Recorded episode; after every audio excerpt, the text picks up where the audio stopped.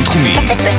בינתחומי. 106.2 FM. 106.2 FM. The F-word, פמיניזם בתרבות הפופ, עם אופיר לביא וגל סלונימסקי. היי גל, מה קורה? היי אופיר, מה שלומך? הכל מעולה, אנחנו ממש מתרגשות להיות איתכם כאן בפרק הראשון שלנו, של The F-word, ובטח אה, תהיתם אה, מה, מה המשמעות, על מה אנחנו יכולות לדבר איתכם.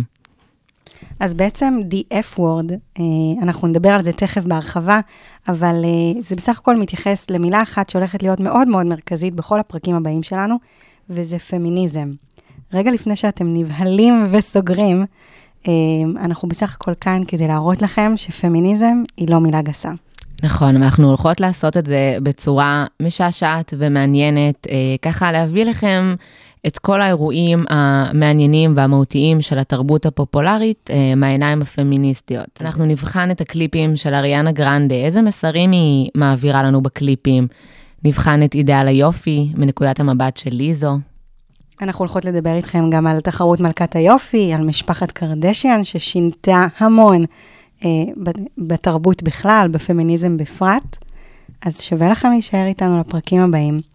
ובואו נתחיל בפרק הראשון, שבו בעצם נסביר לכם קצת יותר איך הגענו ל-F-word. טוב, אז קודם כל, מה זה בכלל פמיניזם? אה, אז ככה, אה, נעבור על זה בקצרה, זה לקוח מהמילה הצרפתית, אה, חיבור של אישה או נקבה עם פילוסופיה, תפיסה, אידיאולוגיה, וזה בעצם שם כולל של איזושהי תנועה או מחשבה שמדברת על זכויות לנשים מבחינה פוליטית, חברתית, כלכלית, אישית, וכל המשתמע מכך. או בתכלס, כמו שפאולה רוזנברג אמרה, זה תנועה למניעת סקסיזם, אפליה וקיפוח זכויות של לא פחות מ-51% אה, מהאוכלוסייה. טוב, אז במקור, the F-word היא איזושהי דרך כזאת יפה, נקייה יותר, להגיד אה, קללה באנגלית. אנחנו לא נגיד אותה כאן, אבל אני מניחה שכולכם כבר יודעים לאיזו מילה בדיוק אני אה, מתכוונת. העניין הוא שבזמן האחרון, בשנים האחרונות, ה-F-word הפכה להיות מילה אחרת, אה, פמיניזם. זה מעורר איזשהו כעס, איזשהו אנטגוניזם, גם בקרב גברים וגם בקרב נשים, למרבה ההפתעה, אה, בגלל שיש איזושהי מחשבה שפמיניזם שווה שנאת גברים. טוב, אז אה, כן, נכון, בעצם בשנת 2016 זה ככה אה, הגיע לשיח ושינה את הצורה ש-F-word זה פמיניזם בבחירות לנשיאות עם דונלד טראמפ, שככה הואשם, יוחסו לו עבירות של הטרדות מיניות וגם כל תנועת המיטו שהתעוררה, וככה זה קיבל גוון אולי קצת יותר לוחמני ורדיקלי.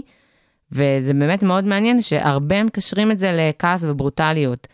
אה, ואפילו בשנת 2017, מגזין פורבס ציין שאלפים מאמינים בשוויון זכויות, אבל במילה פמיניזם הם רואים כמשהו שהוא לא מתיישב עם האמונה או הערכים שלהם, וזה פחות מתיישב להם עם זכויות, אלא כמשהו של נשים כועסות שמחפשות את, ה, את הגברים, ובעצם לא, לא פועלות לקדם את השוויון מולם. נתחיל ככה עם uh, סקירה קצרה על, על המילה פמיניזם ועל התנועה הפמיניסטית. אז uh, ראשית התנועה היא הייתה סביב המאה ה-19 באירופה, ובהתחלה הם באמת התמקדו בהשגת זכויות uh, בסיסיות ופורמליות, שלנו היום נראות אבסורדיות, אבל כמו הצבעה שלנשים uh, זה היה מנוע מהן, או אפילו להחזיק ברכוש ולא להיות רכוש של גבר. נכון. אה, אחריו מגיע, אה, מגיעה איזושהי תפיסה יותר רדיקלית, ולכן זה נקרא הפמיניזם הרדיקלי. זה בעצם איזשהו זרם שמדבר יותר על דיכוי מאשר על אפליה. ממש דיכוי של נשים, כשמה שמוביל אותם זה איזושהי אה, מחשבה שנשים צריכות אה, שחרור מהמין הגברי, לאו דווקא שוויון זכויות. אה, זה הרבה היה נוכח אחרי מלחמת העולם ה... שנייה. נכון. אה, נשים יצאו לעבוד בזמן המלחמה, כי גברים היו בקרב, ואז נגמרה המלחמה, גברים חזרו הביתה, והסדר הישן שב למקומו, וזה ממש לא התאים לנשים שהבינו שיש חיים בחוץ. אה, ובאמת הפמיניזם הרדיקלי הוא יותר מזוהה עם אה, שריפת חזיות, שזה... נכון. זה עד היום אגב, כאילו מין מילה נרדפת, נכון? לפמיניזם. כן, הקונוטציה של האישה המפלצתית אה, שונאת הגברים, האמת שזה גם ככה התכתב עם מלחמת וייטנאם וכל האיפים. זה דווקא די מתאים כל העניין של השריפת חזיות והשחרור הזה. ובשנות ה-90 מגיע אלינו הגל השלישי של הפמיניזם.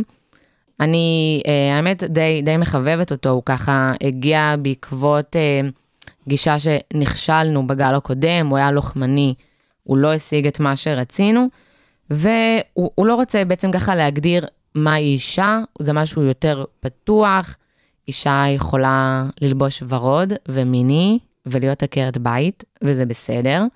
היא יכולה להיות אשת קריירה, גם בסדר, היא יכולה לגדל ילדים ויכולה לא.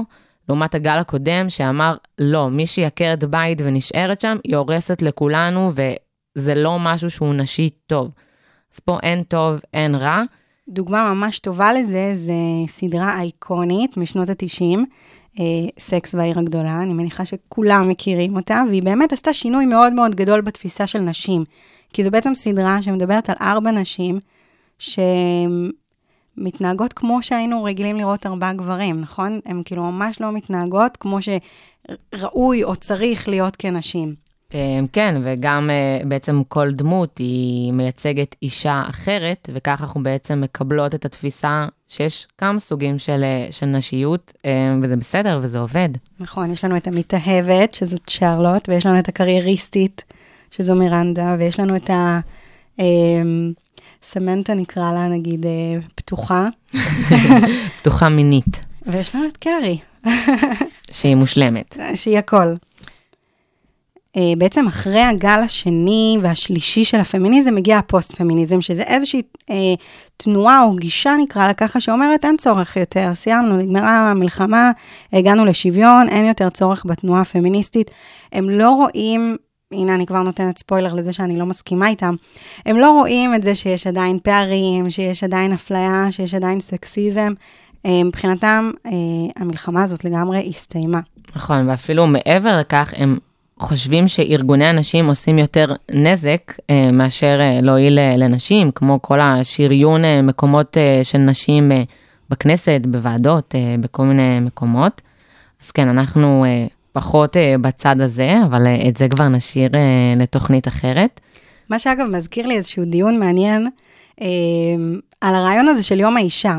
בוא נניח רגע בצד את זה שיום האישה הפך להיות יום של מבצעים לשפתונים ולנז'רי. כן, כי זה מה שאת צריכה בתור אישה, כמובן. כן, ברור. אבל כאילו השאלה אם באמת צריך את יום, את יום האישה כדי להשאיר את הרעיון הזה בתודעה, או שכמו פוסט-פמיניזם, המלחמה נגמרה. כן, אז זה בהחלט אה, דיון שיכול לקחת לנו תוכנית שלמה. אני חושבת שזה כן עדיין חשוב, בגלל שאני חושבת שעוד לא הגענו לשוויון המיוחל. כן, אנחנו לא מסכימות עם הפוסט-פמיניזם. כן, חד משמעית. אז בואי נתקדם הלאה לגל הבא. בדיוק, בואו בוא נתקדם אה, גם לגל אה, שאפשר להגיד שהוא גם קצת יותר חביב ומתוק וורוד. זה הפמיניזם הפופולרי, שהוא ככה באמת נמצא בכל מקום. זה פמיניזם שהוא כזה לא מתגונן והוא מאוד פופולרי, כי יש לו מסרים שהם מאוד מעצימים, של בנייה עצמית, אהבה עצמית, הוא מתייחס אבל בעיקר לנשים פריבילגיות ולבנות. וגם אין לו איזשהו מסר פוליטי, אז הוא ככה מאוד נוכח אה, בעיקר בתרבות הפופ. אה, וגם אפילו, גם על זה יש קצת איזשהו דיון, למשל אה, ביונסה, שהיא שחורה, אבל מאשימים אותה שהיא מתעלמת מהאחיות השחורות שלה בעצם, והולכת לפריבילגיה. אבל זה גם נראה לי רעיון להקדיש תוכנית לקווין בי. אז כמו שאתם מבינים, הפמיניזם הפופולרי הולך להיות מאוד נוכח בתוכניות הבאות שלנו. אז אני חושבת אה, ככה ששתינו נסכים שהפמיניזם באמת פוגש אותנו ככה בחיי היום-יום, ואנחנו כל היום נתקלות אה, באייטמים ובאירועים רלוונטיים. שלא תמיד אה, מקבלים תשומת לב. הם גם לא תמיד נצבעים בצבע הזה של פמיניזם, זאת אומרת, לא תמיד מבינים שמאחורי הסיפור הזה, המדובר, יש פה איזושהי תפיסת מבט פמיניסטית, שזה בעצם מה שאנחנו רוצות uh, לבוא ולהראות. נכון, וככה שזה לא יהיה עוד אייטם uh, חולף, אז אני חושבת שדוגמה uh, נפלאה uh, היא קים קרדשיאן. Uh, בכלל ככה למושג פמיניזם, ואנחנו אפילו נקדיש לה תוכנית שלמה לברר ככה מי את קים קיי, מיליארדרית ככה ממש לאחרונה. אמ, אז הייתה באמת התעסקות אה, בלתי פוסקת בגוף שלה אה, במהלך ההריונות. יש אה, תמונה מאוד מפורסמת שלה, שהיא לבשה שמלה בצבע שחור ולבן, והיא ככה כונתה כלוויתן, וכל הזמן התעסקו, היא כן חזרה למשקל, היא לא חזרה למשקל, אה, וזה משהו שהוא, שאולי נראה לנו כאילו פפרצי ומציצנות, ואולי בסדר, אבל אה, זה בכלל. בדיוק העניין הזה של מ- משטור הגוף, ואם עכשיו יש גבר אה, שהשמין, אז, אז אולי זה יקבל, כנראה שזה אפילו גם לא יקבל כותרות, זה פחות זה מעניין. להיות, זה יכול להיות שזה יקבל כותרות, תלוי בכמה הוא מפורסם האיש הזה, אבל אין ספק שיש התעסקות הרבה יותר רחבה אה, בגוף של נשים, ובאמת, קים קרדשן היא, היא, היא לא היחידה, היא לא היחידה שסובלת מה, מהשיח הזה. אה, אני דווקא חשבתי עליה שאמרת אותה בקטע של אה, משלבת בין קריירה ובין רצינות לבין טרש, כאילו בוא נודה בזה, בסופו של דבר היא צמחה מתוך המקום הזה של אה, קלטת סקס, נכון? זה, משם היא הגיעה, אבל הנה, מה היא הפכה להיות? היא הפכה להיות משפיענית, מובילת דעת קהל ברמות שאפילו לא תיארנו לעצמנו. אבל אם אנחנו שמים את זה רגע בצד, אני כן רוצה לחזור לכל הרעיון הזה של משטור גוף, וכשדיברת, הזכרת לי את כל הקטע הזה של אימהות, אה, של נשים שיוצאות מחדר לידה, אחרי לידה, ואז הן צריכות להציג את הגזרה שלהן בסקיני ג'ינס, ואם לא, אז, אה, אז זה לא בסדר, ואם כן, זה גם לא בסדר. אז אה, כבר, זאת אומרת, כל החוויה הזאת, היא שאין לך דרך להיות בסדר. אחרי לידה, לא משנה מה, הגוף שלך לא בסדר. נכון, את בהחלט לא יכולה לנצח כאן, זה לחלוטין מלכוד 22, אפשר להגיד. אה, שככה מישהי יולדת, אם היא מפורסמת, אז הפפרצי מחכים לה אה, מחוץ לבית חולים. אם את נסיכה, את צריכה לצאת מאופרת על עקבים ולהראות את התינוקת ולראות כאילו הגעת, הוצאת את התינוק אה, וחזרת לחיים הקודמים. וגם כן. אם את אה, אישה שהיא לא מפורסמת, אז גם הלחץ הזה להיכנס לסקינים מלפני ההיריון, זה בהחלט משהו ש, שנשים אפילו עשרות שנים אחרי ההיריונות אה, נאבקות ב...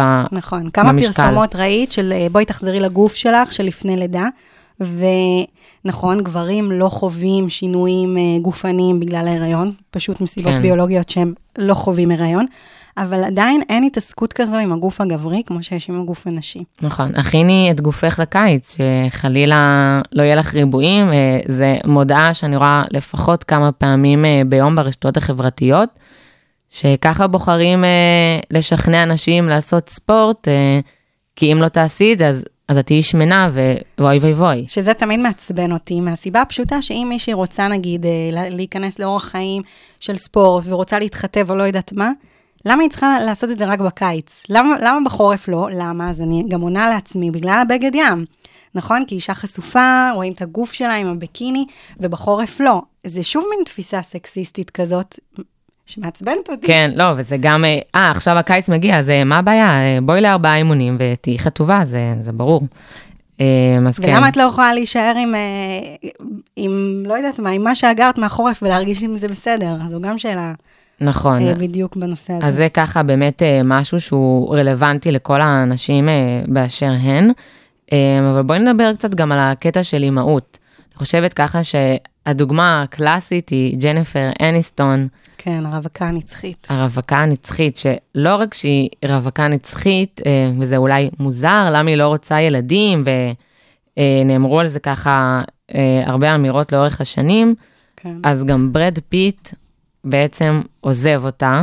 השמועות היו על בגידה עם אנג'לינה ג'ולי, ומביא איתה שבט של ילדים, זאת אומרת, זה גם כלפי חוץ המסר של אולי לא הביאה לו ילדים, אז הוא הלך לחפש את זה אצל אישה אחרת. שזה מזכיר לי עוד שיח מאוד נפוץ. את רואה, אני כל הזמן נזכרת באיזשהם אה, דיונים בתקשורת שאף פעם לא מאירים אותם באיזשהו אור פמיניסטי, לא משתמשים במילה הזאת כדי לתאר אותם, אבל זה בסך הכל דיונים מאוד מוכרים. אה, אז כל הרעיון הזה של אה, אה, מישהי שלא מביאה ילדים, היה איזושהי מחאה של סלבס, תצאו לי מהרחם. כן. נכון, ככה הם קראו לזה.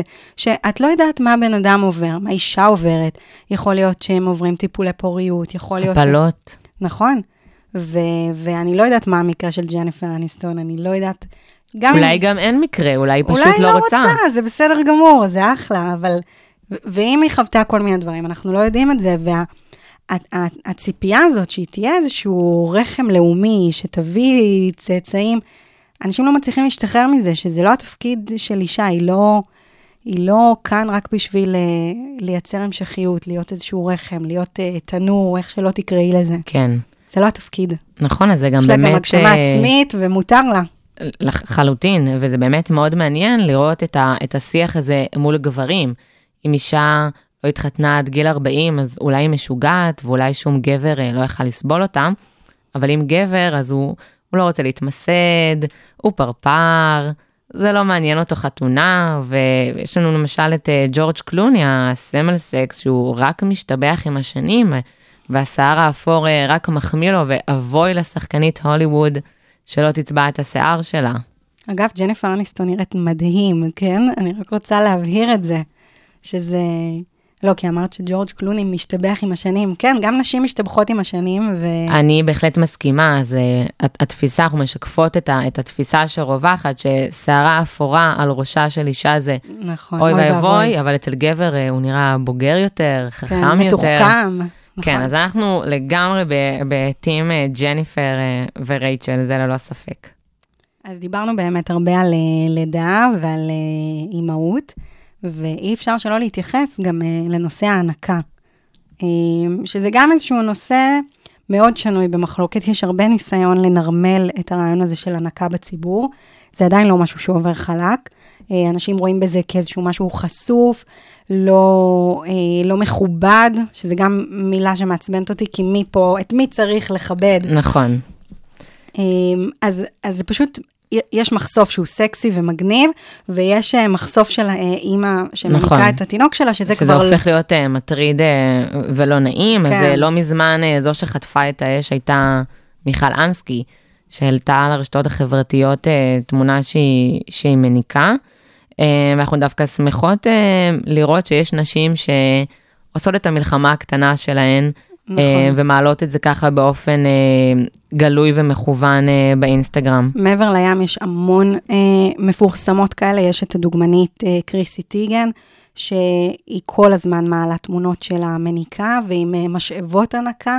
נכון. ופעם אחת היא אפילו העלתה תמונה שהיא מניקה בובה, והיא כתבה כזה בכיתוב, אה, הילדים שלי כעסו שאני לא מניקה את הבובות שלהם ורק אותם. אז היא ממש לוקחת את זה למקום הומוריסטי ומגניב. נכון, אבל היא עדיין חוטפת אש, ולמרות ברור, זאת, ברור. היא, היא ממשיכה בשלה, וזה זה נורא נכון. כיף לראות. גם אשלי גרם, אגב, אה, שממש ילדה לאחרונה, גם היא לגמרי הולכת בגישה הזאת, וכבר יש המון המון סרטונים.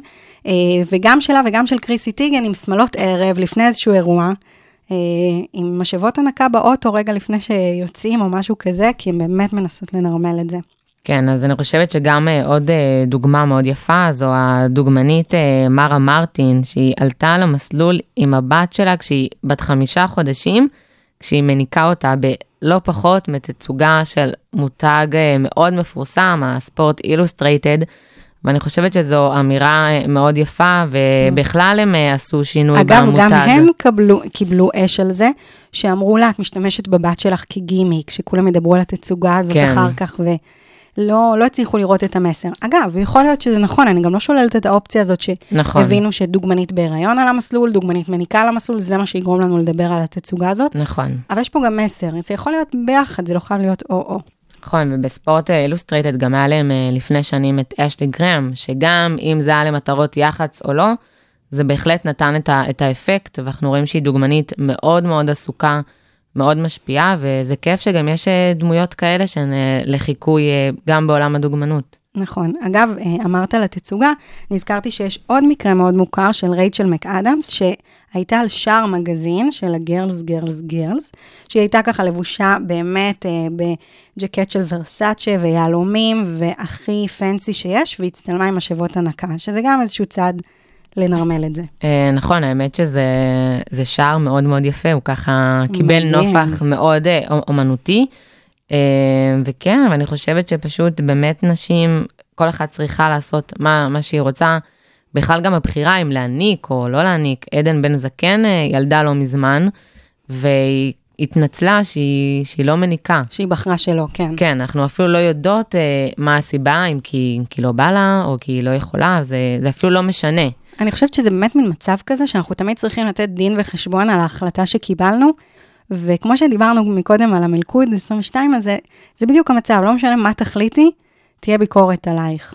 נכון, אה, כן, וגם אפילו כשנשים מוחות אה, ורועמות על כל מיני החלטות ועל אי סדרים, ו- אז הם, אבל אני לא פמיניסטית, זה נורא נורא מפחדות. אה, שיקנו אותם ב-DF word. בדיוק, זה, קללה. אה, אז נראה לנו ככה שאנחנו יכולות לסכם אה, שהפמיניזם נוגע לכל תחומי החיים שלנו, גם אם אתן לא שמות לב, אז באמת שביום יש לנו שלל אירועים ואנחנו ככה מנסות אה, ללקט לכם גם אה, אירועים ככה מהעבר, אה, ולהראות לכם שמה שהתחיל כמחאה לפני לא יותר מ-100 שנה, זה, זה, זה לא כל כך הרבה זמן, ועבר לא מעט גלגולים אה, במרוצת השנים, הוא ממשיך להיות רלוונטי גם היום. בסופו של דבר חשוב לנו להעביר את המסר שפמיניזם זה לא איזושהי מילה אקדמית משמימה, מתריסה, מעצבנת, אלא שהיא באמת פוגשת אותנו ביום-יום בכל מיני סיטואציות, אה, לא, לא בכובע הזה של פמיניזם, אבל בכל הרעיון שעומד מאחורי זה. אה, יש בזה כל כך הרבה עומק, ואנחנו ממש מקוות שהצלחנו להאיר אה, את הפמיניזם באיזשהו אור מעט שונה מהמקובל. ויש לכם למה לצפות. אז ככה, בתוכנית הבאה אנחנו הולכות לנתח את הקליפים של מלכת הפופ החדשה, אריאנה גרנדה, ונראה איזה מסרים היא מעבירה לנו, האם היא פמיניסטית לוחמנית, האם זה פמיניזם טיפה יותר מתוק, אולי הוא גם וגם. אנחנו רוצות להודות לרדיו הבינתחומי שאירח אותנו כאן, והפרק שלנו זמין לכם ממש אה, באתר, וככה גם יהיה כל הפרקים הבאים שלנו. תודה לרדיו, תודה לך, אופיר, היה לי ממש ממש כיף. תודה גל, אני מאוד נהניתי איתך. וניפגש בפרק הבא.